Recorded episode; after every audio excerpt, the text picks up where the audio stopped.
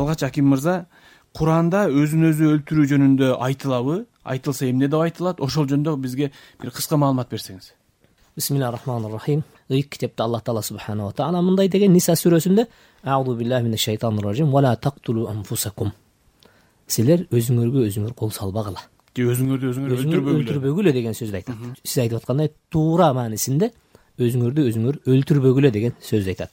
Кудай таала айтып атат эгерде кимде ким өзүнө душмандык кылып зулумдук кылып кол салса өзүнө анда аны биз жакын арада отко азапка калтырабыз. Тозокко деген тозокко деген сөз. Албетте. Инсан убактылуу жашоого келип ошол убактылуу жашоодо өз жанына кайдыгер болгондуктан акыбети түбөлүктүү азап болот. Кудай таалам өзүнүн ыйык китебинде адам өзүн өзүн өлтүрүүсүнө адам өзүн өзүнө кол салуусуна катуу арамдык чекте тыюу салган. А пайгамбар алейи вассалам да өзүнүн көптөгөн хадистеринде эмне кылган? Силер эч качан алладан аманат жүктөлгөн жанга эмне кылбагыла? Кыянаттык кылбагыла деген. Ошол пайгамбардын сөзү пайгамбардын хадистери жөнүндө сурайын дедим эле да хабибулла таксыр. Сиз кандай хадистерди айта аласыз? Пайгамбардын сүннөтүндө ушу өзүн өзү өлтүрүү боюнча суицид боюнча эмнелер айтылат? Бисмиллахи рахмани рахим ислам шарыяты инсан өмүрүн коргоо максатында өзүн өзү өлтүрүүнү же өз жанына кол салууну арам кылган. Өз жанына кол салуу боюнча пайгамбар саллаллаху алейи вассаламдын хадистеринде көп кездешкен жана мындан э, катуу кайтарылган. Мисалы пайгамбар алейхисалам мынтип айтат хадистин мазмунунда. Ким тоодан таштап өзүн өзү өлтүрсө ал тозок отунда түбөлүк өзүн тоодон таштап турат тынбай. Кайра кайра тоодон э, таштай берет бүгүнкү күндүн мисалында ким онунчу кабаттан таштаса өмүр бою өмүр бою өзүн өзү онунчу кабаттан эмне кылып турат? Эми таштап турат деген сөз. өзүн өзү өлтүрүүнүн түрлөрү көп экен да. Ошол түрлөрүнүн кээ бирлерин пайгамбарыбыз хадисинде уктуруп атат. Хадистин э, текстинде эле ушулар экен ким уу ичип өзүн өзү өлтүргөн болсо демек ал дагы тозокто тозок отунда колунда ошол э, уу ичкен идишин кармап алып түбөлүк уу ичип өтөт дейт. Уу ичип турат экен уу ичип турат э? тынбай ал эми ким өзүн кандайдыр бир темир менен сайгылап өлтүргөн болсо ал да ошол абалда болот дейт. Исламда инсандын жаны бул өзүнчө баага бартуулукка ээ. Муну бизге аллах таала ыраболоп берген жанды. Демек ошол аллах таала берген жанды аллах таала өзү гана алууга укуктуу ал жанды сизге берсе ал жандын ээси сиз болгонуңуз менен сизге сиздин жаныңыз болгону менен аны кыюуга дагы өзүңүздүн укугуңуз жок шариятта. Алла таала гана алла таала гана ошол жанды ала алат. Демек өзүн өзү өлтүрүү бул бирөөнү өлтүрүү менен барабар. А бирөөнү өлтүрүү жөнүндө куран аяттарында пайгамбарыбыздын хадистеринде толтура кеңесир э, жазылган кеңесир айтылган. Арам деп даана айтылган да. эми аким мырза адамдын өзүн өзү өлтүрүүсүнө көп нерсе себеп болот. Алардын эң негизгиси өзгөчө мына балдардын жаш балдардын өзүн өзү өлтүрүүсүнө албетте алардын жаштыгы себеп болот да. Себеби жеңил ойлуулугу тажрыйбасыздыгы максатына көздөгөн нерсесине тез арада жетүүгө болгон э, талпынуусу. талпынуусу э? Ошол учурларда жаш мезгилинде бала мезгилинде ата энелерибиз кандай көңүл буруш керек? Кандай мамиле кылышыбыз керекпиз өзү? Ооба. Көпчүлүк ата энелер өзгөчө мына диний чөйрөдөгү кишилерге кызымды куткарып бергилечи деп келип кайрылышат да. Же баламды бала кылып бергилечи деп кайрылып келишет. Отургузуп акырын иликтеп келсеңиз баары келип туруп азыр биз айта турган сөз келип токтойт. Ата эне балага жөн гана көчөдөгү же коомдогу же маалымат айдыңындагы маалыматка канааттанып ошол жетет деп таштап салат. Баласын жалгыз таштап баласын жалгыз жөн коет. а менин балам чоңоюп атат экен деген кайдыгер мамиле эң биринчиси. Биздин азыркы жыйырма биринчи кылымыбыз бул өтө эле кооптуу мезгил. Азгыруучу кадамдагы оюн зооктор бар ошондо ата эне суроо бериш керек. А баламдын акыбалы кандай ушундай учурда?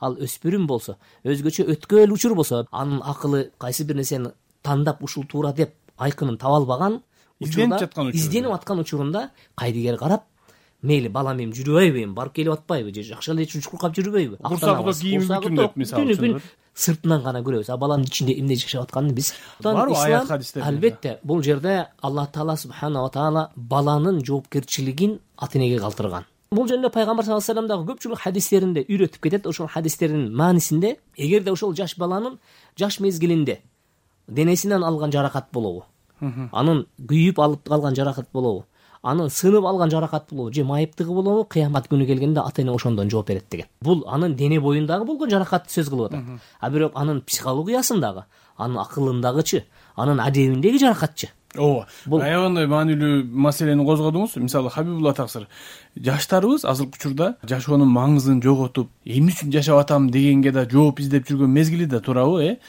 Жаштарга эмне сунуштайт ислам? Ислам жаштардын албетте келечегине кайдыгер эмес бүгүнкү күндө э, жаштар жашоосундагы максатын кандайдыр бир деңгээлде устазыбыз айткандай жоготуп койду каяка баруусун билбейт. Бул көйгөйлөрдүн негизги келип чыгуусунун себеби ошол жаштар менен кошо ата энесинин дин таанымы кудайды тааныгандык пайгамбарды сүйгөндүк идеясы жок максаты жок болгондуктан ал эми эмне болду? Жашоодон максатын жоготту мен айтар элем балдарды тарбиялаш керек балдарды тарбиялап албетте тарбияда ошол диний жаатка дагы басым жасаш керек. Пайгамбарыбыздын хадисинде айтат ата эне жакшы адеп аклакты үйрөтүүдөн башка жакшы нерсе бере албайт эң жакшысы эң жакшы адеп ошол дебейсизби балдарга жакшы адеп аклакты үйрөтүш керек. Ислам жаштарга жоопкерчиликти сунуштайт. Эмне үчүн шариятта балагатка жетүү деген өкүм бар. Балагатка жеткенге чейинки жоопкерчилик толугу менен кимге калтырылат? Ата энеге. Ата энеге калтырылат. А балагатка жеткенден кийинчи дегенде балагатка жеткенден кийин ал өзүнөн суралат. Ата эне баланы ошого даярдап барыш керек. Үй бүлө бүгүнкү күндө бизде өтө алсыз болуп кетти. Бирок жаштар дагы ошол жоопкерчиликтен качпаш керек качпаш дебейсизби керек. эгерде тарбияда көргөндө энелер деле көрдүңүзбү? жаштардын өздөрү да өздөрү жоопкерчиликтен дагы качпаш жооп керек.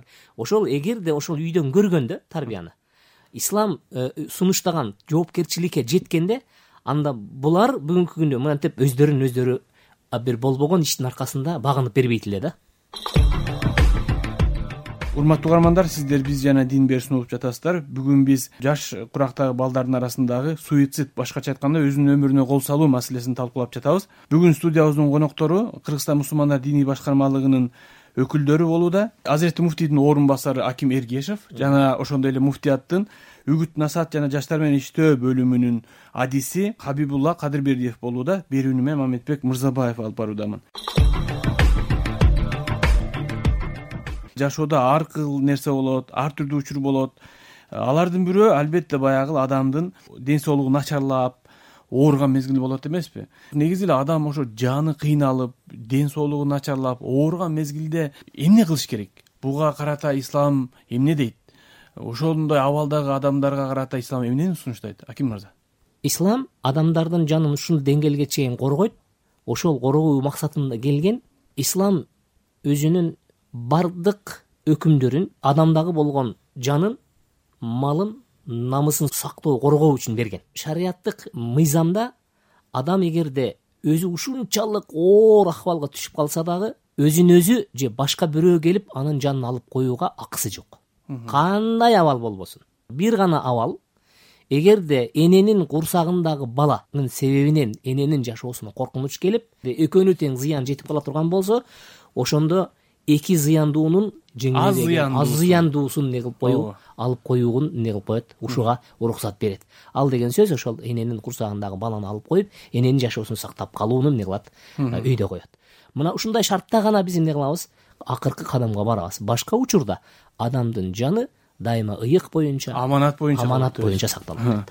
Биздин каада салтыбызда үрп адатыбызда ушул нерсеге кандай карашкан өзүн өзү өлтүрүү маселесине биздин ата бабаларыбыз бизден мурдагы муундар кандай карап келишкен шарият кандай мүнөздө бизге үйрөтсө биздин ата бабабыздан дагы адам өзүнө өзүнө душмандык кылуусу мындан ашкан душмандык жок деп эмне кылып келишет?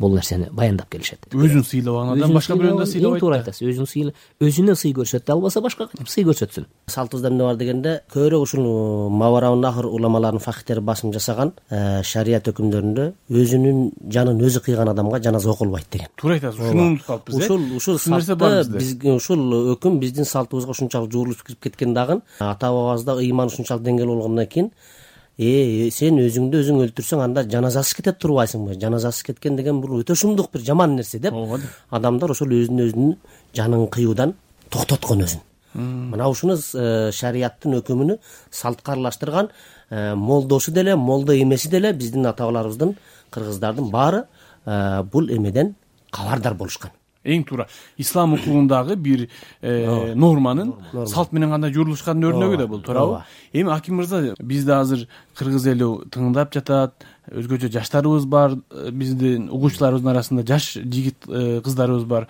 Аларга эмне деп кайрылат элеңиз? Рахмат. Мүмкүнчүлүктөн пайдаланып мен жалпы жаштарыбызга өспүрүмдөргө өзгөчө кайрылат элем.